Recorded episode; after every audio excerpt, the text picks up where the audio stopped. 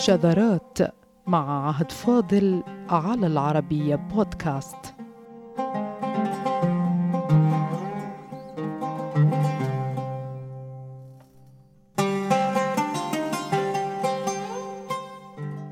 يطيب لنا اليوم أعزائنا الإضاءة على مفردة يستعملها أهل الجزيرة العربية بصفة خاصة وربما في بعض من أجزاء أرض العراق وهي من الكلمات المحببة نطقا ومعنى إلا أن انفراد أهل الجزيرة العربية باستعمال معنى تلك الكلمة يجعل من الغوص في أصلها ومجازها ضرورة لغوية نظرا لما في الكلمة من انفراد في الاستعمال وبلاغة في المعنى وفصاحة في النطق.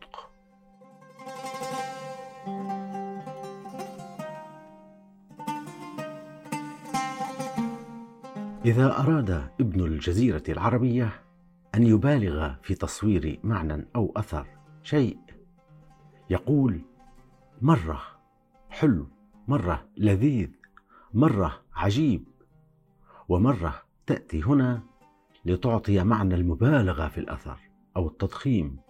أي كما لو أنه يقول جدا جميل جدا تصبح جميل مرة كما نسمعها كثيرا أيها السادة. وهذا الاستعمال على وجه التقريب ينفرد به لسان أهل جزيرة العرب. مصدر الفصاحة بادية وصحراء ومدنا ومجتمعات بشرية أرسلت أفرادها في هجرات متلاحقة. تركوا في كل مكان وصلوا إليه وعاشوا فيه. حضارة صارت جوهر حضارات العالم القديم.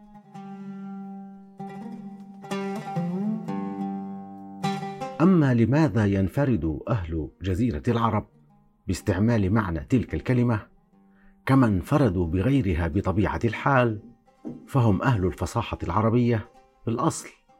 ومن طبيعة الأمور أن ينفرد صاحب الشيء باستعمال يخص ذلك الشيء بعقليته هو ولسانه هو خاصة إذا كان مصدر اللغة وأصل اللسان وتاريخ ذلك الإنسان. غالبية اللسان العربي لو أراد المبالغة في وصف أثر ومعنى لشيء يقول جدا جميل جدا قوي جدا حلو جدا. تقابلها فصاحة اللسان العربي في الجزيرة بالقول مرة قوي مرة أعجبني مرة. فما هي هذه المرة التي صارت أداة مبالغة ومجازا يعرف منه أن هذا الشيء كبير التأثير أو رفيع الشأن أو ما يقابله من كل معاني تضخيم الأثر والتأثير.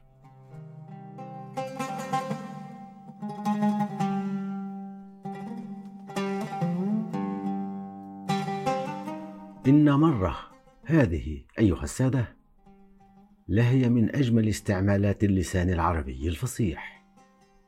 فمنها المرة الواحدة من الشيء أو مرات ومنها العبور بالمرور ومنها أيضا المرارة التي هي ضد الحلاوة. لكن ما هو المكان الذي جعل اللسان العربي يستعمل المرة هذه كدلالة على أثر وتأثير الشيء؟ فهنا يقال جميل جدا وهناك يقال جميل مرة. وهنا سر استعمال المرة أعزائنا في أصلها الفصيح العربي القديم. تبدأ العلاقة ما بين مرة التي تستعمل لتضخيم أثر الشيء والمبالغة به أو بأثره من هذا المكان الذي يكون فيه المر بالكسر العقل أو شدة العقل. أو عندما تكون المرة بمعنى الأصالة والإحكام على ما أفادت به الأمهات. فعندما يراد مدح شخص على عقله فيقال إنه لذو مرة. لهذا يعتبر عند رؤساء العربية كابن السكيت أن المرة هي القوة. فيأتي المرير على ذلك كله بمعنى الشدة والقوة أيها السادة. يقول الشاعر كما نقل أساس البلاغة إني إذا حذرتني حذور. حلو على حلاوتي مرير ذو حدة في حدتي وقور ويقال أعزائنا في العربية الفصحى تمرمر فلان علينا. تخيلوا وهي بمعنى تأمر علينا. ذلك أن أصل القوة والإحكام في المعنى لا يزال مستمرا حتى إن مستمرا هنا هي من هذا الباب. فمعنى الشيء المستمر أي المحكم القوي كما في لسان العرب. وهي راجعة في أصلها في المرة التي هي القوة وهي قوة العقل وهي الشدة. لهذا يقال الرجل المرير أي الرجل القوي رجل ذو مرة. يقول الشاعر لا يأمنن قوي نقض مرته إني أرى الدهر ذا نقض وإمرار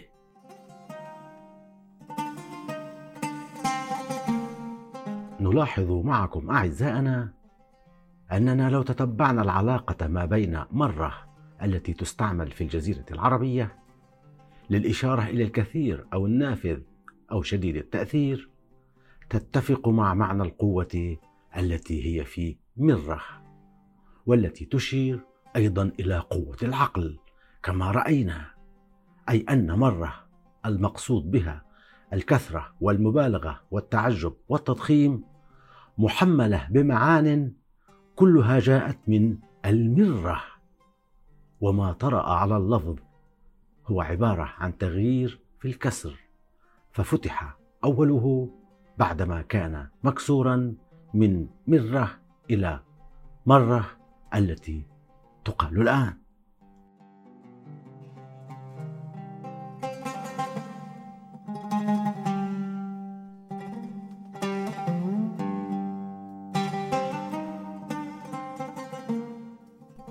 لكن أعزائنا ونحن نلمح التطابق التام بين مرة الحالية المقصود بها الإكثار والإعجاب المفرط والتعجب الشديد والتضخيم والمبالغة فما هو المرار أصلا؟ ما يقوي الصلة ويظهر ذروة الفصحى في استعمال المرة هو أن أصل المرار في العربية القديمة هو الفتل كما ورد في تاج العروس. فتل الحبل بصفة خاصة فيقال أمررت الحبل أمره فهو ممر. إذا شددت فتله تجمع على ذلك الأمهات. فيقال مر الرجل بعيره وأمر على بعيره إذا شد عليه المرار. ولهذا أصبح المرير هو شدة فتل الحبل في الأصل كما في مقاييس اللغة الذي قال إنه بسبب ما سبق فقد قام العرب بتسمية كل شدة وشديدة بذلك البناء.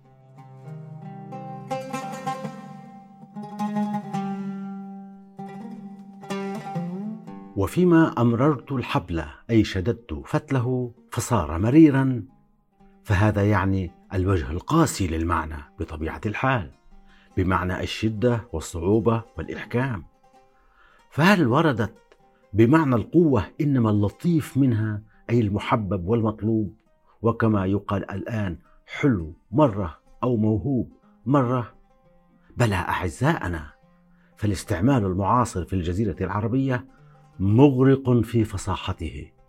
وهذا دليل إضافي باقتباس لسان العرب من كلام العرب.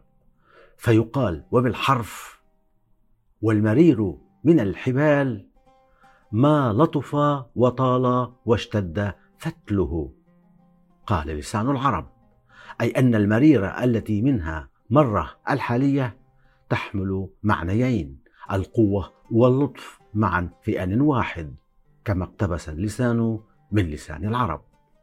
وكما تستعمل الآن للمبالغة في الوجهين المبالغة إعجابا أو المبالغة دفعا ورفضا. هكذا أعزائنا ظهر تاريخ الصلة ما بين مرة المستعملة في الجزيرة العربية في شبه انفراد كما قلنا ومعناها في شدة الشيء أو قوته أو كثرة عدده أو أي تعجب من أي نوع للتضخيم والمرة التي ترد مكسورة في جميع كتب الأمهات التي تعني القوة والإحكام ومنها شدة العقل إلا أن هناك روابط أقوى ما بين مرة الحالية ومرة القديمة ويعتقد أن كسرها جاء لتمييزها عن المرة عن الفعلة الواحدة أو من حصول الشيء فيقال رأيته مرة أو مرتين فهل وردت مرة أو مرة بمعنى الاستحسان والتعجب عند رؤساء العربية؟ اشتقت سابقا أيها السادة في اللسان العربي من المر والمر كلمة مرمارة أو كلمة مرمار وتقال مرمارة للمرأة التي تترجرج من نعمتها بالفتح وهي تعني الرفاهة وطيب العيش وكذلك تعني في العربية الإكرام فيقال أفعل ذلك نعمة عين أي إكراما لعين المخاطب. هكذا تكون المرأة المرمارة وكما شرحها ابن فارس في مقاييسه هي التي تترجرج من نعمتها ويضيف عليها اسم المرمر وهو من أنواع الرخام ويمتاز بالصلابة وبالنعومة أيضا فيا محاسن الصدف.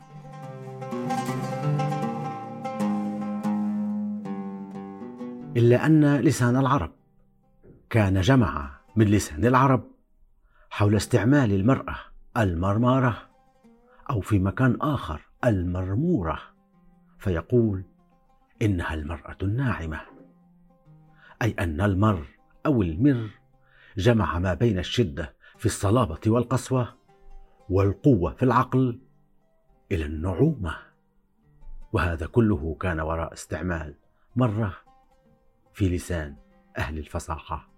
في جزيرة العرب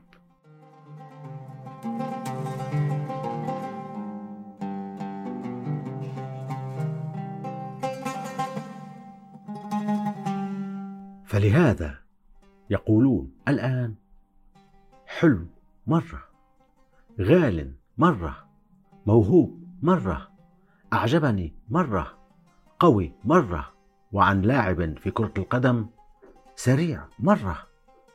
وكلها أيها السادة من مصدر التعظيم والتعجب والتكثير والتضخيم. في مصدرها البعيد عندما كانت في الإحكام والشد والقوة. إلا أن الرؤساء العربية أفادونا أيضا أنه اشتق منها ما يفيد معنى النعومة. وبهذا اجتمع معنيا المبالغة قوة وعددا وإعجابا فيقال جسم مرمار. أي جسم ناعم يقطع لسان العرب.